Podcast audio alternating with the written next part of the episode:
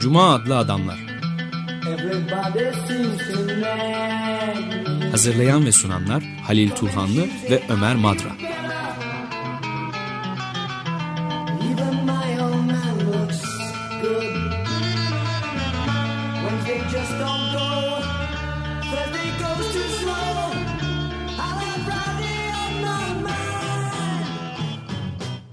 Merhaba Halil, hoş geldin. Teşekkürler, hoş bulduk. Bu haftaki programda Ernst Bloch'un Hristiyanlıktaki ateizmini konuşacağız. Kitabın çevirmeni Veysel Atayman konuğumuz Ernst Bloch. Ee, biz e, Umut İlkesi iki cilt olarak yayınlanmıştı Türkçe, Türkçe'ye çevrilmişti. Çevirmen Tanıl, Tanıl Bora. Evet. Birisini hatırlayacaksınız. Onun üzerinde konuşmuştuk. Evet. İkinci cildin konuğu da Tanıl olmuştu ve bize Bloch'un e, ümit ilkesini açıklamıştı ikinci cildi. Birinci cilt biraz daha çarpıcıydı aslında. Şimdi çok da yine onları tamamlayan ama Bloch'un çok e, karakteristik kitaplarından bir tanesi yani düşüncesinde. Kendisi de ben he- heretik Marksist olarak e, niteliyorum onu. Hristiyanlıktaki ateizmi e, tartışacağız. Çevirmeni de dediğimiz gibi Veysel Atayman konumuz. Şimdi ilk soruyu soralım kendisine. Ee, Augustin, hoş geldiniz diyelim. Hoş Hoş, bulduk siz de. evet. Ben hoş geldim evet. Yani nihayet gelebildim daha doğru söylediğim. Augustinus'un yalnızca bir ateist iyi bir Hristiyan olabilir bir sözü var. Bu çok çarpıcı bir söz. Ee, Augustinus'tan gelmiş olması aslında çarpıcı kılıyor. Ne demek istiyor burada? Aslında e, şimdi ikisi birden tam anlamında iyi yani bir ateist iyi bir Hristiyan olabilir, bir Hristiyan iyi bir ateist olabilir. Aslında ben üzerinde düşündüğümde tabii çeviri bittikten sonra birçoğunu çeviri bittikten sonra düşünüp tekrar dönüp çeviri yapmaya e, düzeltmeye uğraştım ne kadar düzelttimse. Aslında bu bir ben o bunu bir ayna olarak görüyorum. Yani ikisi birbirinin içinde yansıyan bir şey var. Yani ateizmle Hristiyanlıkta karşılıklı birbirini açıklayan bir şey var gibi gözüküyor. Yani bir, bir tür ayna olarak düşün. Ben öyle düşünüyorum. İki bir ayna olarak. Neticede e, Hristiyan Hristiyanlık dediği şeyin kendisini Bloch'un ne anladığını e, konuştuğumuz takdirde tam da burada neyi kastettiğini bulacağız. Çünkü esas burada geçmemiz gereken şu. Bloch bütün kitap boyunca Hristiyanlıkta e, daha doğrusu bütün kitap boyunca bir temel bir meseleden hareket ediyor. O da iki tane Hristiyanlık olduğunu daha doğrusu birincisine Hristiyanlık deyip diyemeyeceğimiz bir tartışma. Aslında insanlığın kültür tarihinin umutları var. Bu umut ilkesinde de zaten bütün o e, ütopyalarda, ütopyada da var o. E, esas bu umut ilkesi e, tabii Prinzip der Hoffnung umut ilkesinin içinde de olan daha sonra kitapta da olan mesele insanlık tarihinin, kültür tarihinin umutlarının yansıdığı mitolojiler var. Ee, edebiyat var, masallar var. Bütün bunların içinde bir umut, yaşanan hayatın daha iyi olmasına dönük bir e, bütün insanlığın orada e, kendi duygularının, düşüncelerinin yansıdığı bir birikim var. Tam da bu anlamda din bunlardan bir tanesi ama hiçbir şekilde Bloch için bizim anladığımız din değil. Dolayısıyla bu din belli bir aşamadan sonra kilisenin eline geçtiği anda yani yukarının eline geçtiği vakit Bloch bunu çok kullanıyor. Alt, üst, yukarının eline geçtiği anda artık iç, umut içeren bir şey olmaktan çıkmıştır bu din. Dolayısıyla Bloch şu soruyu sormak durumunda değil. Onu belki Bloch'un e, Nietzsche ile Tanrı anlayışını, belki Feuerbach'la Tanrı anlayışını ve Marx'la anlayışını belki gücümüz yettiği kadar karşılaştırabilirsek Nietzsche e, pardon Bloch Tanrı var mı yok mu diye bir soruyla zaten karşı karşıya değil. Metnin içinde bir Tanrı geçiyor. God diye bir şey geçiyor. God geçiyor. Dolayısıyla o tamamıyla metin üzerinden, dil üzerinden giden bir analiz yapıyor. Dolayısıyla geri dönüp sosyolojiye dönse yani tarihsel sosyolojiye dönse onu döndüğü yerler var. Mesela Yahudi toplumunda ki e, evrime döndüğü vakit bütün sosyal yapıyı oradaki e, Eksodüs'ten sonra Yahudi halkının, İsrail halkının e, bütün sosyal koşullarını, ekonomik koşullarını gayet güzel tartışıyor. Dolayısıyla üstüne gitmeden aslında bütün bunların sosyal hayatta çekilen sıkıntıların bir yansıması olduğuna dair bilgiler zaten orada geliyor. Ama neticede e, var mı yok mu, Tanrı var mı yok mu, hatta bu çok önemli, İsa var mı yok mu tartışmıyor.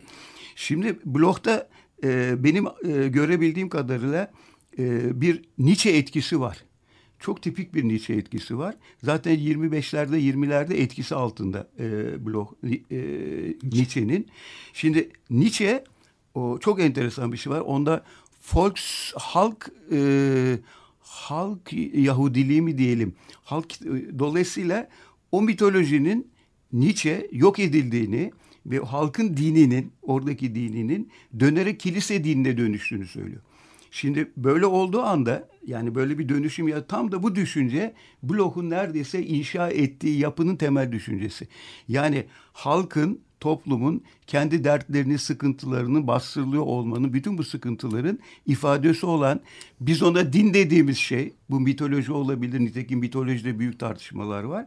Bütün bunlar Nietzsche'de aynen Nietzsche'nin dediği gibi şeye dönüşüyor. Kilise dinine dönüşüyor. Orada da hahamların dinine dönüşüyor. Kilise dinine dönüşüyor. Dolayısıyla ortaya bir tanrı çıkıyor vesaire çıkıyor. Ama Nietzsche ile bu çok önemli gibi geliyor bana. Bloch'un e, görüşü arasında çok temel bir fark var. Nietzsche'nin İsa'sı gerçekte e, dünyayı bu, bu, bu önemli bir mesele olarak çok karşımıza çıkıyor ama nereden konuşacağımı şaşırdığımla ilgili bir şey. Şimdi dünyaya indemiş bir devrimle mi, e, e, devrimi mi kastediyor İsa yoksa dünyanın ötesinde Tanrı cenneti, Tanrı'nın dünyası dediğimiz yere geçişi mi kastediyor? Şimdi Bloch aslında İsa'nın bu dünyadaki bir dönüşümün, bir devrimin gelmekte olan bir eşotenin, eşatonun savunucusu. Tam da orada Nietzsche ile taban tabana zıtlar. Çünkü Nietzsche Bloch'un e, İsa'nın kendi e, orada kastettiği dönüşümün tamamıyla içsel olduğunu söylüyor. Tamamıyla ruhsal bir şey olduğunu söylüyor. Yani dünyanın kendisini değiştirmeyle ilgili bir yanı olmadığını söylüyor. Burada e, bir Nietzsche öğrencisi diyemeyiz zaten oraya indirgeyemeyiz Bloch'u ama Bloch tam orada İsa'nın kastettiğinin aslında bu dünyada bir eşaton olduğunu ve gelmekte olduğunu söylüyor kurtuluşun. Ve kıyametle beraber gelmekte olduğunu söylüyor. Apokaliptik orada çok önemli bir mesele. Kıyamet yaklaşmakta. Dolayısıyla e, İsa ile yani İsa yorumunda e, İsa var mı yok mu yorumunun e, ötesine geçmiş oluyoruz. İsa ile ilişkisinde Nietzsche oradan gelerek tamamıyla e, Bloch Nietzsche ile taban tabana zıt bir İsa yaratıyor. Bu İsa içeride göreceğimiz gibi belki soracağınız sorular da var. İsa Bloch'ta e, Menschensohn dediği insanoğlu. Tanrı oğlu değil. Onu Pavlus'ta falan göreceğiz. Onun nasıl Tanrı oğlu yapıldığını. Ya İsa bir insanoğludu. O insanoğlu bölümüne kitapta çok uzun bölümler var. Evet. İsa insanın o insanoğludu ve kastettiği bu çok önemli. Bloch'un e, bu dünyadaki bir devrimdi. Bu dünyadaki bir eşatondu. Ama eşaton gelmeyince ne olduğunu Pavlus'tan sonra filan biliyoruz. O eşaton e, bin sene sonra dendi. Sonra da hiç gelmedi vesaire. Onlar konuşulacak kilisenin ne yaptığı. Ama tam da burada Nietzsche'den ayrılıyor. Feuerbach'tan e, çok mu konuşuyorum? Yok ama yani belki başka bir soru ekleyecek mi diye baktım. Ee, Yok.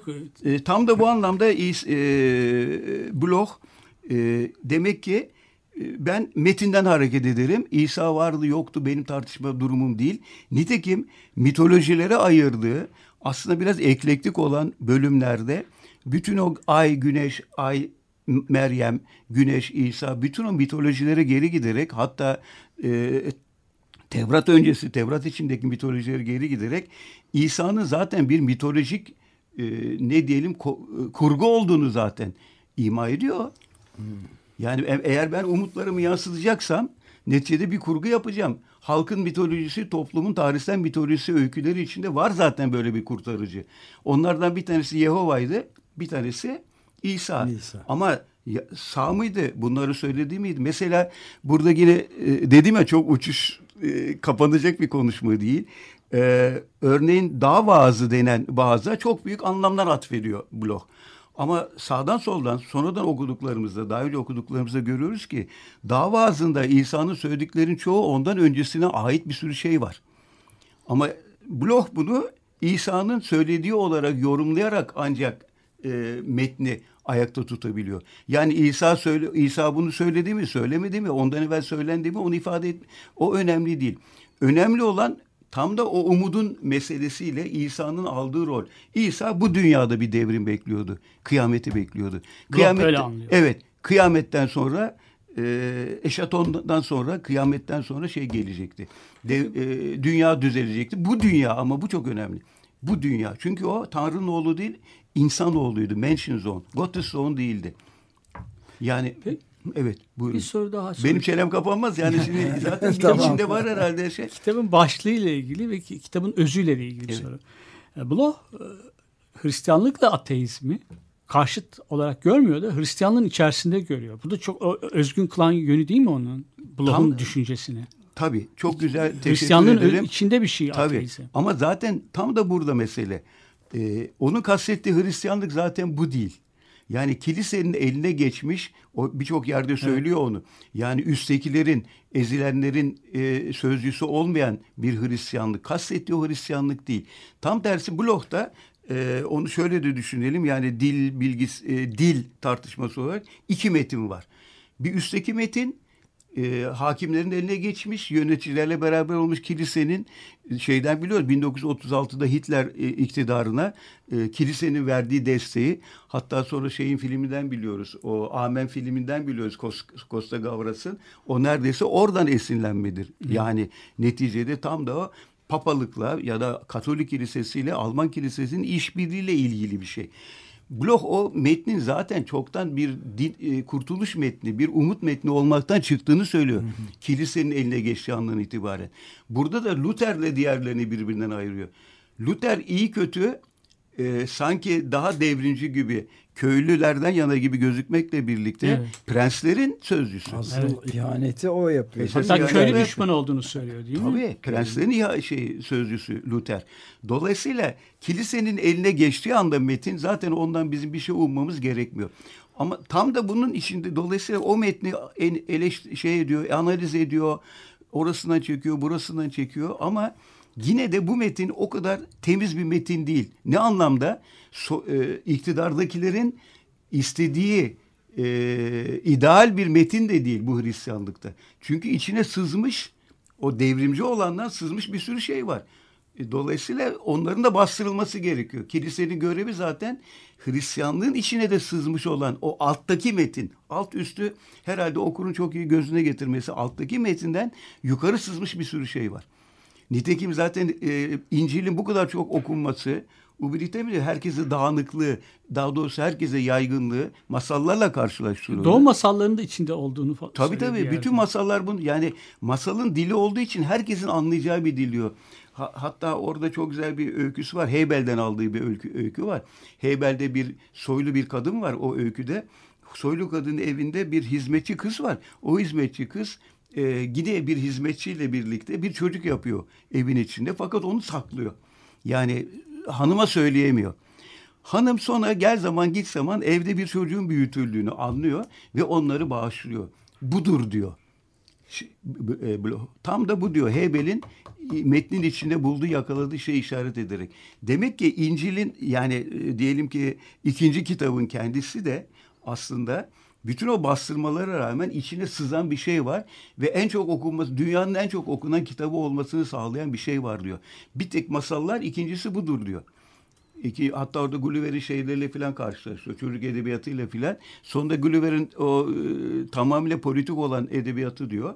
E, Gulliver'deki efendim Gulliver'in şey- e, şeyleri e, her iki kitabı çocuk kitabı olmuştur. Ne alakası var çocuk kitabıyla diyor. Müthiş bir devrimci kitap diyor. Müthiş bir itiraz kitabı. Üstelik John, Jonathan Swift'in kendisi de rahip. Kendisi de rahip. Şimdi dolayısıyla buradan baktığımız vakit Bloch aslında metinle uğraşıyor. Yani bunu okurun anlaması lazım. Çünkü bana 3-5 öyle soru geldi.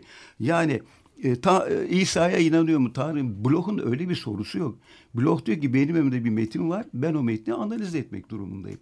O metin analizinde de bence iki metin var. Bir tanesi hakimlerin, egemenlerin eline geçmiş metin. Diğeri de egemenlerin eline geçmiş olduğu halde kendini hissettiren, okumasını bilirsek altındaki metin. Dolayısıyla burada bir filolojiyle karşı karşıyayız. Burada bir e, nelerle karşı, dil bilim incelemeleriyle karşılaşıyoruz.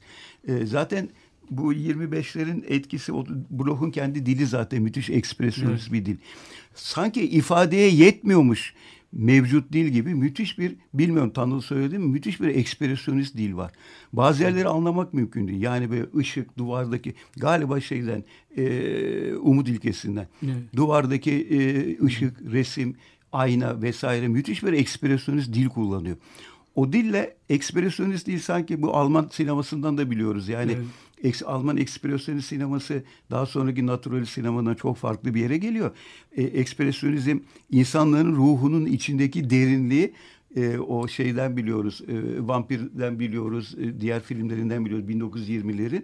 Oradaki bütün figür şeyler e, e, yapmadır, kartondur ve geometrik şekiller şeyler yoktur, dikdörtgenler yoktur ekspresyonizmde. Böyle derin şeyler vardır, üçgenler vardır, sivrilikler vardır vesaire. İnsan ruhunun derinine girme gibi bir şey vardır Alman ekspresyonist sineması.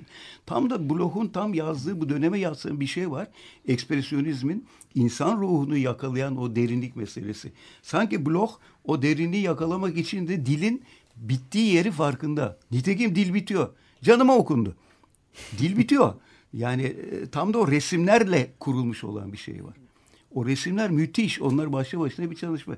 Dil bitiyor. O ekspresyonist dille diyor ki önünüzde sizin olan bir metin var. Bu metin iki metindir. Bir tanesi gericilerin eline düşmüştür. Baskıcıların eline düşmüştür. Diğeri alttaki metindir. Şimdi tabii e, bu bir umut ilkesi. Gizli e, oralara gizli bir umut ilkesi tabii. Metnin içine gizli bir umut ilkesi. Ütopik, ütopya bir vaat. Müthiş bir ütopya. Müthiş bir ütopya. Bir de Öte de- dünyada da değil, bu dünyaya ilişkin değil. Tamamıyla Ve yani bir de devrim manifestosu gibi Evet, bir evet, şey. evet. tamamıyla Gerçek. devrim manifestosu. Şeye karşılık e, Bloch tam da o durumda e, çok zor bir e, beni en çok zorlayan şeylerden biri oldu. Alman teolojisinin tartışmaları, varoluşçu teoloji, e, hani e, tabii varoluşçu teoloji, pozitif teoloji, bir sürü teoloji, müthiş bir teoloji tartışması. Teoloji tartışmalarında Boltman çok önemli. Evet. Boltman e, Bloch'un zaten Bloch'un zaten e, bu İncil'in içindeki bir meseleden dolayı bu metni yazdığını ya da böyle düşündüğünü söylüyor. O da şu. E, ta aslında işin başı şeye kadar gidiyor. Birinci kutsal kitaba kadar gidiyor. Şimdi orada Yehova milleti topluyor. Exodus'ten çağırıyor. Çıkın lan buradan size diyor. E, ha, aynen. Çıkın buradan sürünmeyin burada diyor. Size Kaan ülkesinde, Kenan ülkesinde Kenan. diyor. E, e, eliniz diyor bir eliniz balda bir eliniz yağda olacak, sütte olacak diyor. Kenan ülkesine geldiği vakit e, İsrail e, toplumu diyelim oğulları yaklaşık demek ki 1000-1500 sene bir felaketten kurtulamıyorlar. Sümerlerin eline düşüyorlar, Babillerin eline, en son Romalıların eline düşüyorlar. Esaretten hiç kurtulamıyorlar. Sürüm sürüm sürünüyorlar. Yani Exodus e, ya kitaba göre Yehova'nın çağırdığı Exodus, göç aslında bir felakete götürüyor. Ama bir hareket de var içinde. Sonra hangi peygamberde şu anda e, yanılabilirim? Kalkıyor diyor ki o peygamberi, onların peygamberleri zaten vahiy değil, onlarınki hep rüyada görür. Yani bir böyle vahiy almazlar onlar. Onların vahiyleri rüyadır Yahudi dininde. Kalkıyor, git halkına söyle, eski yarattığım dünya berbat oldu. Yenisini yaratıyorum ona dikkat etmesinler. Aa, şimdi e, orada bir kere Yehova havluya atıyor. Yani e, yenildiğini kabul ediyor. Nitekim e, Eyüp meselesinde de bu Yehova'nın havluya atması meselesi var. Yehova e, Eyüp Eyüp'ün işte üç tane savunucusu var Yehova'dan yana. Onlar Yehovacılar yani tanrıcılar. Sen diyorlar niye isyan ediyorsun Tanrı'ya? O da diyor ki kardeşim kapıma gelen yoksulu besledim. Üstüne yorgan verdim. Ne istedilerse yaptım. Kapımdan aç kimseyi göndermedim.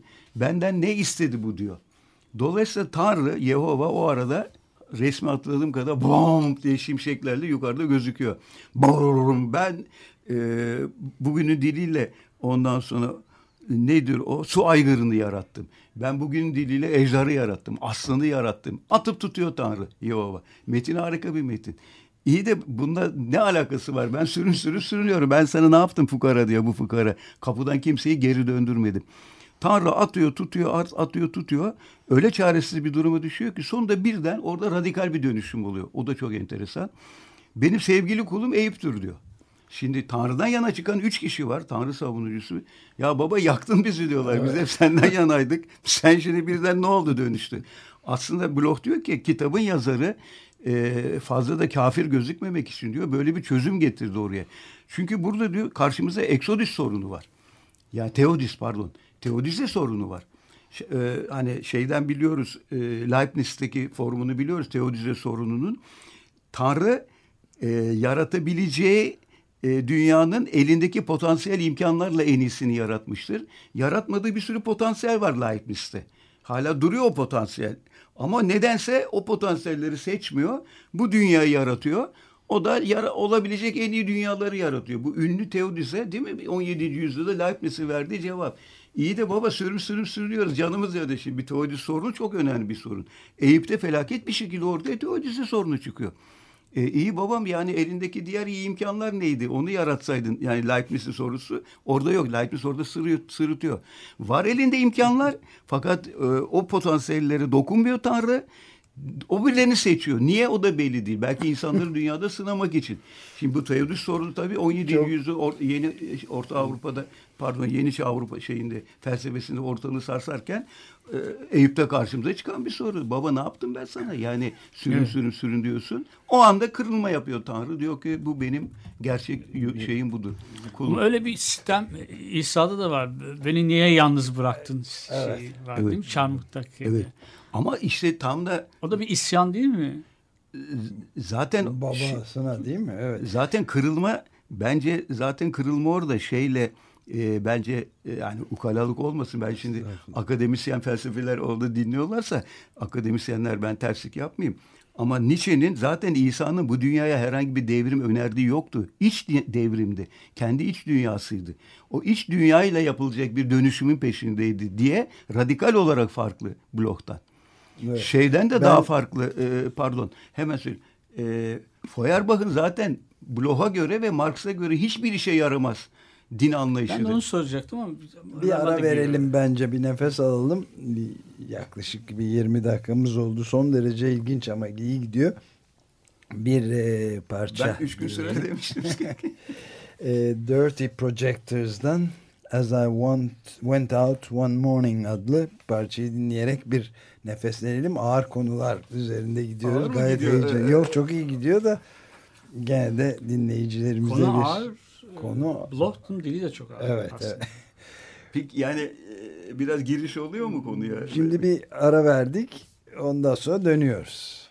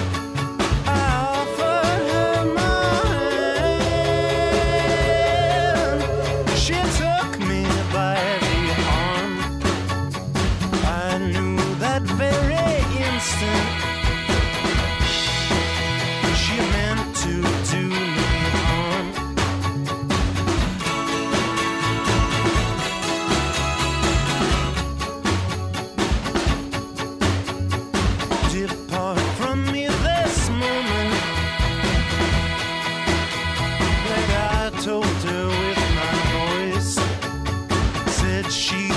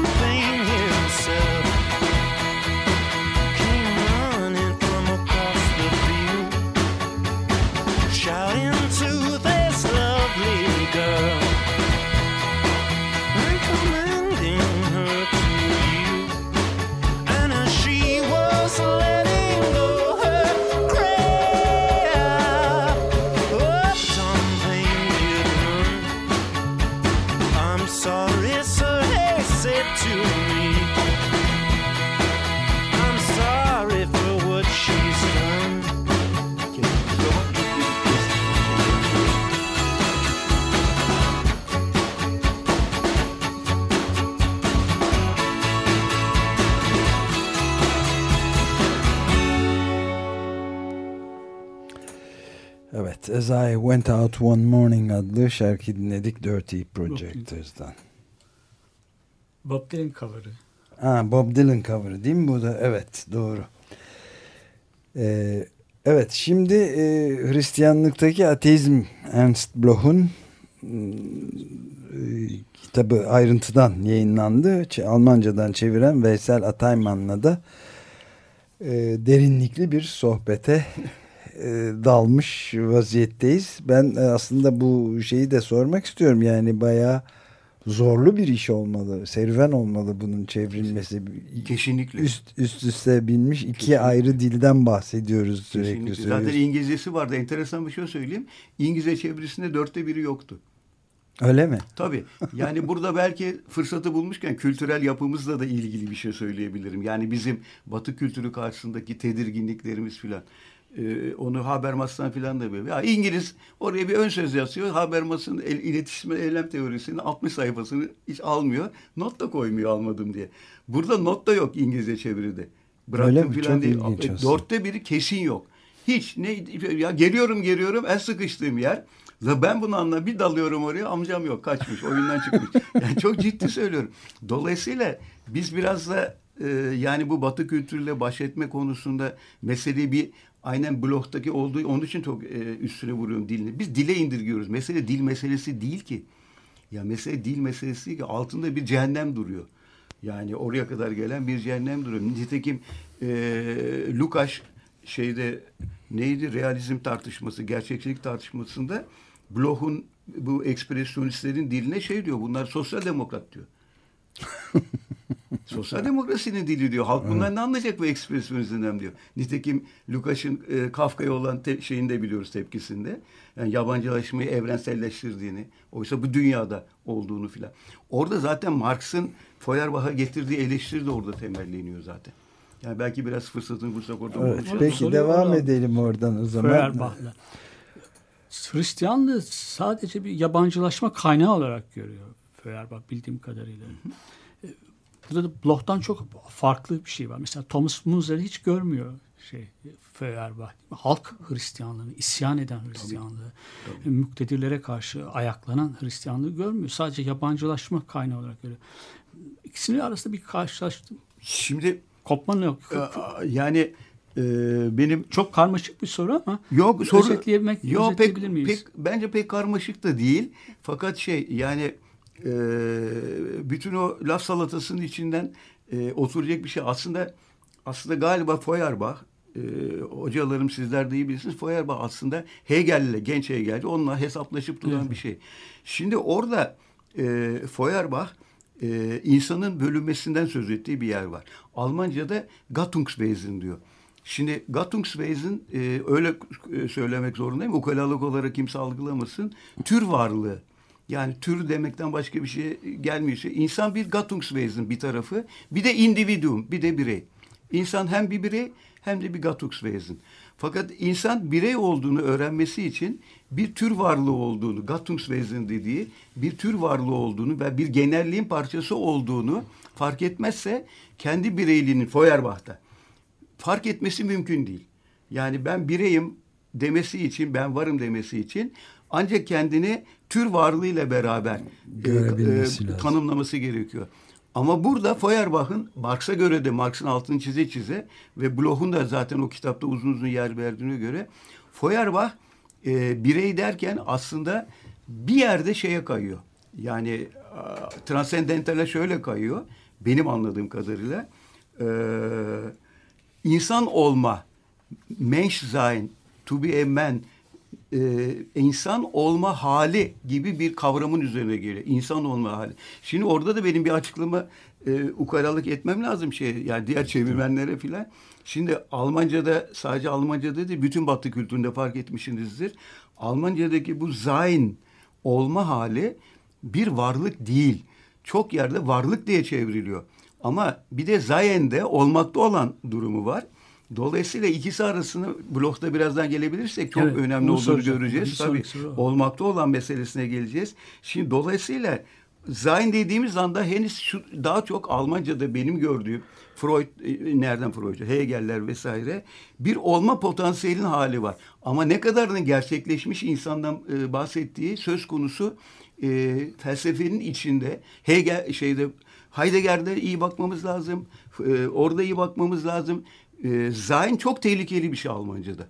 Ve bazen bakıyoruz e, çevirenlerde zaten o tuzak çok fazla. Bir varlık değil. Aslında olma hali, potansiyel bir hal. Bir tek Mehmet Küçük galiba onu olma hali olarak çevirmişti. Ben o aralarda önerip duruyordu. Şimdi Feuerbach'a göre insan bir e, Menschsein, insan olma hali. Şimdi böyle dediğiniz vakit in, insanı nereden çıkartıyorsunuz? Somut ilişkilerinin dışında özsel bir şey yapmış oluyorsunuz Feuerbach'ta. Nitekim Marx oradan e, gırtlağını kopartıp alıyor. Yani resmen e, sıkıyor birini.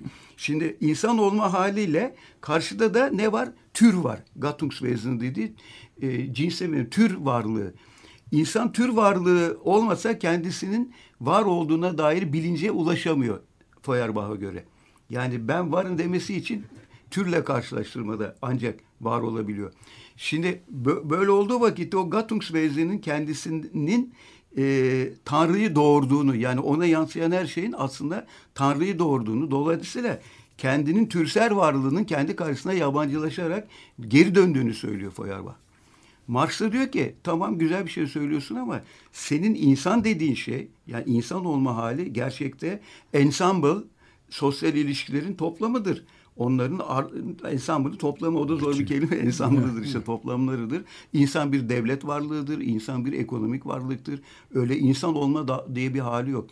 Sen insanı soyutladığın anda e, dolayısıyla diyor bu çok önemli bir şey galiba. Ben e, ikinci bir transendental yaratıyorsun diyor.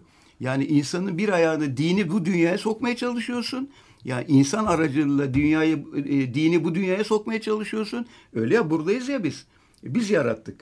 Bizim kendimizin yansıtması, tür evet. varlığının yansıtması.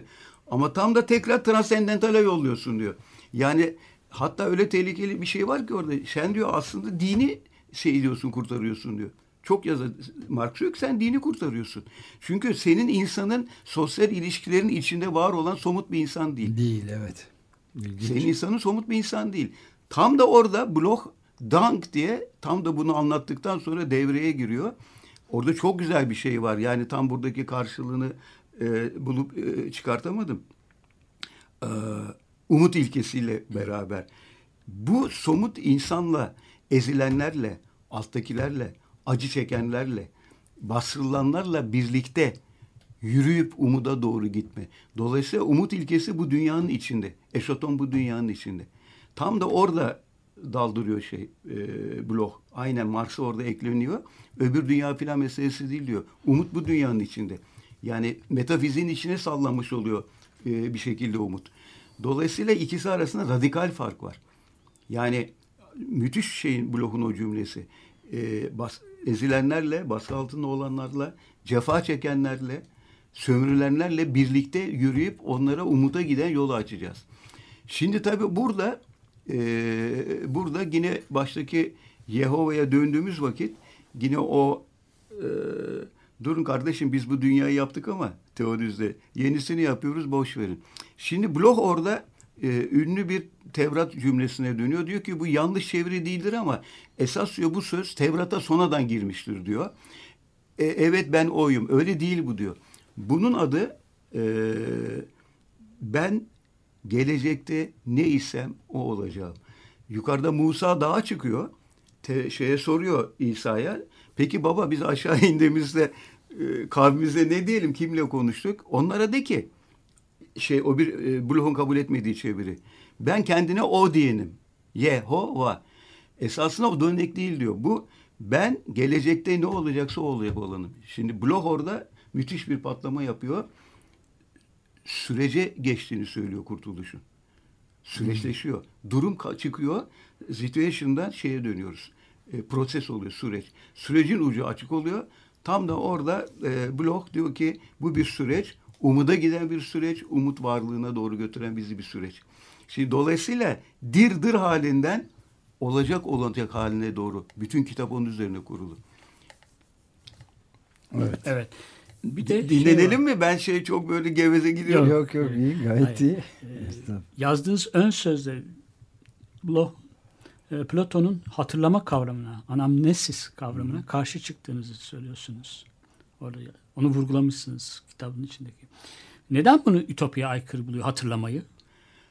Ee, çünkü hatırlama e, şimdi Ütopya zaten e, tamamıyla tasarımsal bir şey. Evet. Ve bütün birikimlerle birlikte ne olacağı hakkında hiçbir şey söyleyeceğimiz bir şey değil. Nitekim Marx'ta e, Marx'ta Reich der Freiheiten Marx'ın o konuda hani bizim komünistler kalktı film falan yaptılar bu adını vermeyeyim. Yani devrimden sonra diye polisler, molisler falan öyle sabuk filmler yaptılar. Ben de kalktım dedim ki ya yapmayın böyle işler. Marx bile ne olduğunu söylemiyor. Devrimden sonra siz nereden buldunuz? Şimdi e, Bloch diyor ki her devrim bir sonraki devrimin nasıl olmaması ya da daha az hatalı olması için yapılmış bir devrimdir. Sürekli sürecin içine çekiyor. Dolayısıyla Yehova bile o anlamda sürecin içine çekiyor. Benim ne yaptığıma değil ne yapacağıma da bakın, bekleyin. Onu dediği anda da sizi devreye sokmuş oluyor. Şimdi amnesi hatırlanan şey aslında bir yerden sonra bitmiş ve ideal olanı hatırladığınız anda tıkanmış kalmış oluyorsunuz. Yani e, o bağlamda Bloch e, geçmişte hatırlanması gerekenin ne olduğu konusunda e, bitmiş kalıplar olmadığını ben öyle anlıyordum. E, bitmiş kalıplar olduğunu kabul e, söylüyor, bitmemiş kalıplar olduğunu ama geleceğe ne olacağı hakkında da ancak bizim attığımız adımlar belirleyecektir. De, yani neyi nereye çekeceğimiz. Orada şey çok ilginç. E, Marx'ın e, Marksizme değindiği yer, tarihsel materyalizm. Orada iki tane o da çok zorladıydı. Ee, sıcak akıntı ve soğuk akıntı diye bir bölüm var. Şimdi soğuk akıntı Marksist e, tarihsel materyalizmin kendisi. Şimdi bir umudunuz var ama sıcak akıntı size umudun kendisinin nereye gittiğini söylemiyor. Sıcak akıntı Mar Bloch'a göre bu da çok önemli. Çok gözden hiç tartışılmadı, tartışılmayan bir şey. Diyor ki e, Bloch aslında soğuk akıntı Marks, Marksizmin tarihsel materyalizmidir. Ezenlerin, ezilenlerin, e, tarihin diyalektiğini öğreniriz buradan. Biz buradan tarihin diyalektini öğreniriz. Ama tarihin nasıl olacağını söylemez sıcak soğuk akıntı. Bunu sıcak akıntı söyler. Ütopya söyler. Yani sıcak akıntı bize geleceğin toplumun nasıl olacağını söyleyecektir. Soğuk akıntı bunun bilgisidir, analizinin e, ne diyelim diyalektik tarihsel materyalizm soğuk akıntıdır. Oraya bu şeyi de ekliyor. E, hatırladığım kadarıyla Engels'i ekliyor.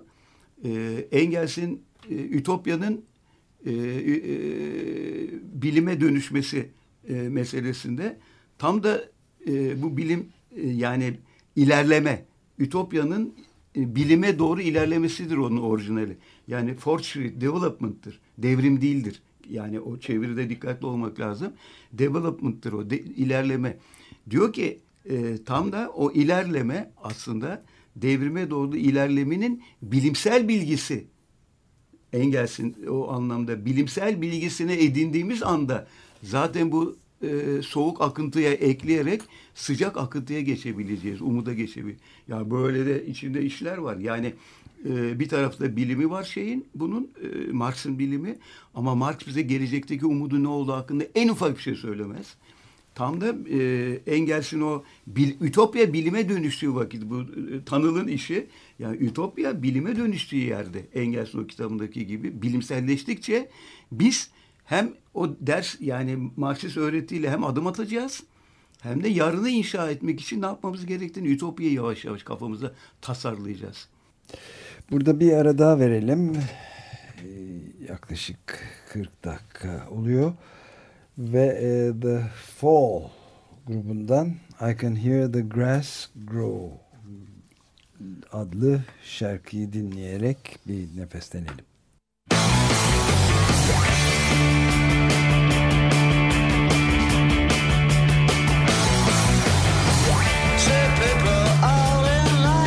Was making them look at me.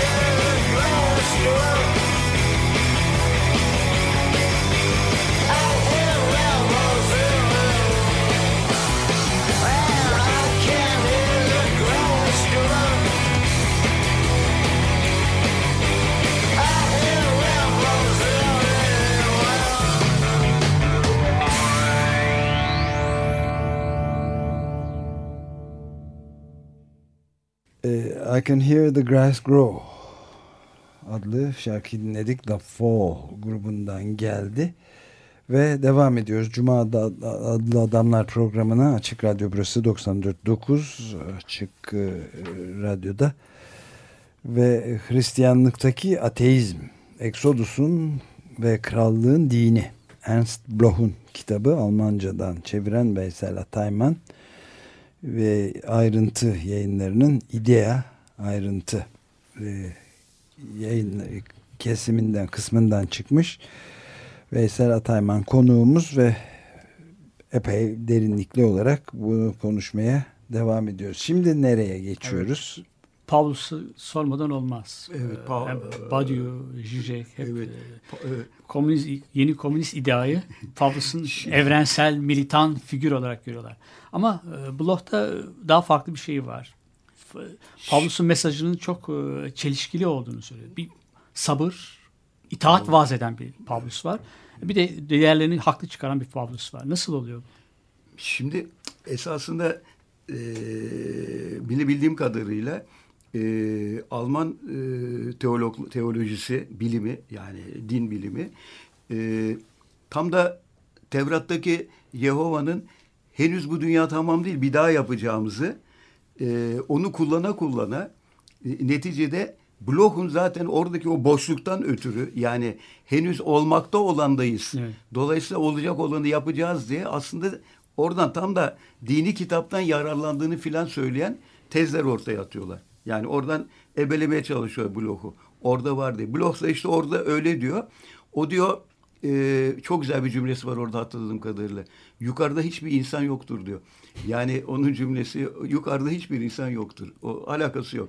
Tam da bu dünya. Şimdi bu dünya deyince Pavlus zaten şöyle bir şema yapabilirim madem vakit dar. Pavlus Bloch'un elinde e, böyle iki dünya arasına biraz da sıkışmış biri olarak e, gözüküyor.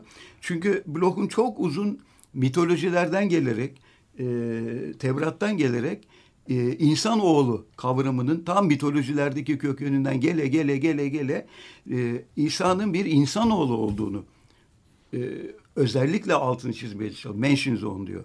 Dolayısıyla Gottessohn, Tanrı o, oğlu dediğimiz anda kilisenin eline geçmiş oluyor. Yani Dolayısıyla tam da o anlamda e, İsa çarmıha gerildiği vakit aslında e, Pavlus İsa şey diyor ya geldi devrim işte bu şey e, kıyamet geldi.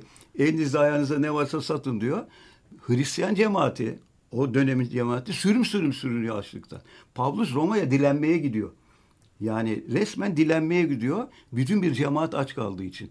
Ondan sonra orada da o bin yıllık mesele ortaya çıkıyor Eşaton'un. Değil mi? Yani e, bin yıl sonra devrim gelecek. Şey e, Eşaton kurtuluş gelecek. Ama o bin yıl meselesi de gelmedikten sonra ne olduğunu sonra bir daha oturursa konuşuruz. Yani bir bin yıl kilise bin yılı kabul ediyor sonra Pavlus yüzünden. Çünkü gelmiyor. Elinizdekini satın, onu satın devrim geliyor kapıda. Kıyamet pardon. Kıyamet zaten malum e, Yahudilerin dilinde zaten sadece kıyamet var. E, şey yok mahkeme yok Yahudilerde. Müthiş bir kıyamet var. Nitekim Benjamin'den biliyoruz. Benjamin tarihinde. Blok da onun içinde var. Bu kıyamet pardon sözünüzü kestim. Bu kıyamet düşüncesinden, kıyamet beklentisinden, dünyanın sonu beklentisinden de bir kurtuluş e, teorisi de çıkıyor ama. Tabii tabii. zamanda. O, o zaten şeyde ya, yani Benjamin vesaire Evet. yani e, geçmişin temizlenmesi meselesi. Tarihin tezlerinde. Tabii tabii blok zaten umut ilkesinde herhalde onu görmüştür şey. Umut ilkesinde zaten o var. Kıyamet tertemiz ediyor ortalığı. Ondan sonra zaten kendiliğinden ne yapılacaksa yapılıyor. Benjamin de çok etkili. E, bu blokta da etkili. Zaten oradaki e, e, bunlar gnostikler, agnostik değil bunlar. Gnostikler bunlar. Hatta blokla birlikte, Benyam, e, Benjamin'le birlikte Adorno'ya kadar gelen Mesihçi bir görüş. e, tabii yani bir karamsarlık. Resmen bunlar Evet. karamsar. Dünya berbat. E, tam da bu dünya değişecek. Hepsi birer gnostik. Agnostik değil re- o anlamda ama gnostikler. Dolayısıyla blok tipik bir gnostisizmde tam da bu dünya Yahudi şeyinin çok etkisi var işin içinde. Tam da bu dünya kıyametten sonra yeniden şey olacak. Şeyde Hristiyanlıkta öyle bir şey yok. Hristiyanlıkta son hesabı verip cennete gidip alacaksınız. Yahudilikte öyle bir şey yok. Yani o bir dünya da pek yok Yahudilikte. Hatta hiç yok öte dünya başlarda onların e, e, şey Yunan etkisinde o yeraltı e, e, mezar vesaire hep onlar şeyde Hades Mades. Hades Yahudilikte vaziyette. neredeyse Yunan şeyinin devamında. Şimdi böyle baktığımız vakit Pavlus e, ya kıyamet geliyor elinizdekini avucundakini sattın Tanrı'nın şeyini kuracağız. Kurulmayınca herkes elindekini avucundakini satınca e, orada da zaten daha e, daha vaazının çelişkisi var. Zaten İsa'nın orada o çelişkisi bence kitapta, bence demek çok ayıp olacak onca e, otoriterin yanında en çelişkili yerlerden birisi daha vaazı. Bir taraftan size kan ve kılıç getirdim diyor. Devrimci bir İsa var. O bir taraftan size tokat atanı o bir yanağınızı uzatın. Zaten devrim geliyor diyor. Ya zaten Evet. kıyamet geliyor diyor şimdi. Bir de, ya eşeton geliyor.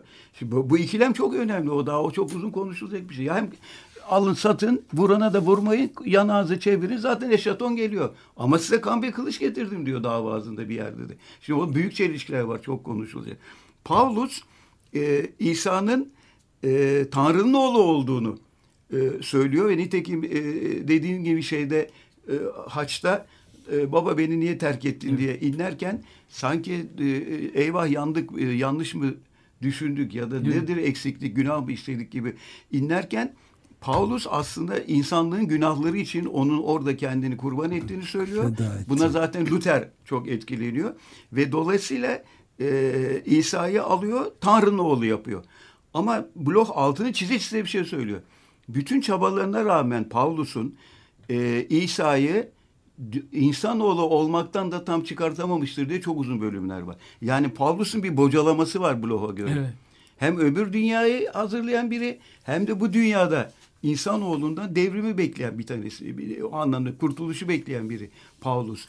E, Luther de e, bu anlamda Pavlus'un o kiliseye emanet etmesi, Tanrı'nın oğluna çevirmesi İsa meselesine ekleniyor.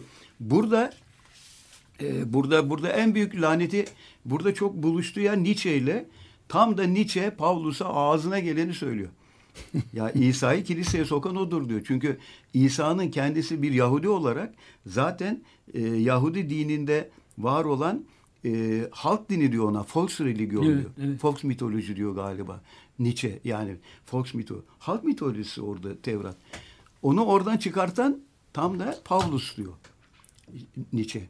Aldı götürdü diyor adamı. Ondan sonra götürdü kilisenin eline teslim etti. Orada da bitti diyor. Nitekim zaten e, insan gelecekte orada da pek yanlış şeyler var. Yani bizim Tanrı öldü, mal öldü. Aslında Nietzsche e, tam da etkili, etkilemesi orada Bloch'u çok oradan belli. Nietzsche'nin insanı zaten geleceğin ateizminin tanrısı. Kendisi tanrı oluyor çünkü orada insan. Nietzsche'de. Kendisi tanrı oluyor. Ateizmin tanrısı oluyor. Evet çok e, aslında çok katmanlı ilginç Evet, bir konu. daha çok tartışacak sorular Evet. hazırlamıştım ama zamanımız e, el vermiyor. Bir, beş, Bir toplantı daha, başka toplantı daha ayrılır. yapmamız Ya. gerekebilir evet. Hristiyanlıktaki gibi diğer tek tanrılı dinlerde öyle yoksulların dini gibi pek olmuyor gibi yani ilk bakışta. Yoksulları kollayıcı bir yer. yok. Mevcut Hristiyanlık. Hristiyanlıktaki denli yok gibi. Diğer Tabii, tabii, tabii. İbrahim dinlerinde. Tek tanrılı dinlerde. Ha, tek tanrı dinlerde Hristiyanlıktaki git- gen yani o şimdi Yani o komünizmi e, şeyini özünü bulmak mümkün değil gibi geliyor. E işte tam da Bloch belki işte iyi bir Hristiyan Evet. ve ateist arasında benzetme yaparken ne kadar bastırırlarsa bastırsınlar içinde insanlığın kurtuluş umudunun çekirdeği olduğu için zaten e, e, bence çok önemli bir şey söylüyor. Evet, Hristiyanlığı savunmuyor. gereken bir konu fakat Tabii. zamanımız yok. Evet tabii savunmuyor ama orada şey var. Çekirdek var zaten. Örtmeye çalıştıkları zaten hep o çekirdek. Ama örttüğünüz dil oluyor sonra da onu şeyle örtüyorsunuz. Evet. Ne kadar e, tamamen kişisel bir soru sorayım. Ne kadar zaman alıyor böyle bir metnin ağır metnin çevirisi ne kadar? O tam bir Ya, yılımı aldı. Bir yıl. O aldı. Hayatımda ilk defa bir yılımı aldı. Evet. Bayağı. Çünkü bırakıp bırakıp mesela 10 defa çevirip başka bir şeyler okuyup 3 defa kitabı geri verdim çevirmeyeceğim diye. Öyle Hayatımda mi? ilk defa. Tabii Dört- ben yani bunu yapacak adam benim anlamında değil ama çarptığım yeri görüyorum yani. Evet çok katmanlı ve 450 Ekspresyonist sayfaya yakın. çarptı. Evet. Ya bir şey söylüyor duruyor orada. O dediğin ne diyor abi bu, bu bilmem ne. Umut ilkeleri de çok. Her iki ciltte müthiş. tuğla gibi kitaplar. Evet. Müthiş, müthiş. Ama bence çok teşekkür ederim çünkü e, hani kulağa kar suyu bile kaçırsa çok önemli bir metinle karşı Çok evet. Tanrı'la da e, biz aynı şeyleri sor. O da zorlanmıştı çok çünkü. Evet, Bloch yani çok önemli bir metin. Tam da din tartışması açısından Evet, evet. gideceği yerler müthiş. Tam da- az- ama en soru en son geldi tabii. Esas tahrik edici sorumuz oradaydı. Hocamın sorusuydu ama e, ne yapalım yani e, çekirdek meselesi. Tekrar fırsat buluruz konuşmaya. Beysel Atayman çok teşekkür ederiz. Vallahi ben e, daha etraflıca bir daha konuşmaya şey ederim. Yani görevimiz çünkü orada duran şey üç kişi bilmekle olmayacak. Yani kendi Feuerbach'ın kitabı dolayısıyla olabilir. Orada yayınlandı. Mesela Olabilir. evet oradan gidebilir. Yani artık Çok çok önemli bir metin yani. olabilir olabilir Temel bir- yani. e, Bütün eksikliklerine rağmen Marx'ın işaret ettiği bütün eksikliklerine rağmen. peki işte ben- o zaman çıkarken Ya o günü e, belki ben e, hani e, öyle bir hani yanlış anlaşılmasından korkarak dedim de yani e, o kadar üst düzeyde felsefe tartışmalarına kapandığımız yerde Türkiye'nin haline bakalım. Neredeyiz? Yani konuşacak metne çevirme meselesi. Yani ben dolayısıyla aşağı yukarı 6 aydır bu popüler sinema girişi diye korku sineması, melodram sineması böyle müthiş bir derleme, çeviri, derleme bilmem ne yapıyorum. Şimdi şimdi baktı onu da şu sebeple yani yine buraya ekleyeceğim. Ya bizi sinema akademileri kuruldu bizde. Ne yaptılar kurar kurmaz 80'lerde filan birden bir sürü teorik kitap. Hmm. Sinema ne, neyi konuşuyorsunuz? Yani birden oradan bir şeyler ne, okusan ne olur anlamasan ne olur? Yani e, tam da bu. Tamam, tekrar konuşacağız. bir tane bir tane sessiz film seyretmemiş bir gençlik, değil mi? Bir tane sessiz sinema seyretmemiş Aynen bir öyle. gençlik.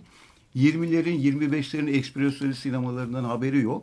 E ondan sonra geliyorsunuz siz burada şey. Teori e, yapıyor. Tarkovski deyip işi bitiriyorsunuz.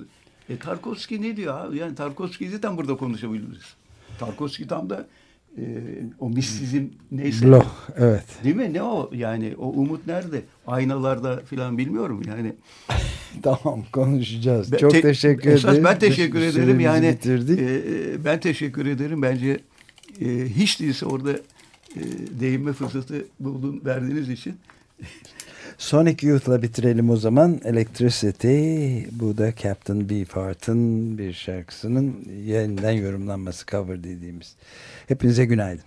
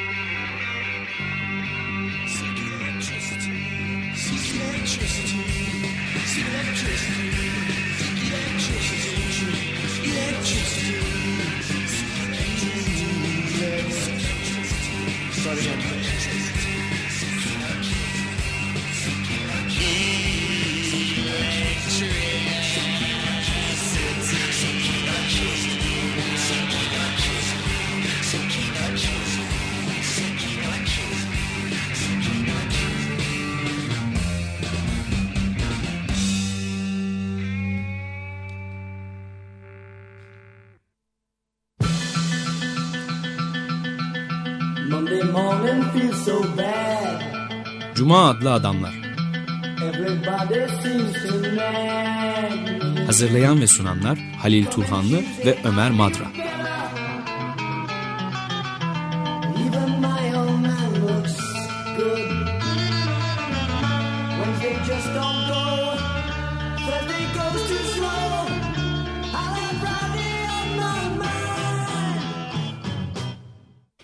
Açık Radyo program destekçisi olun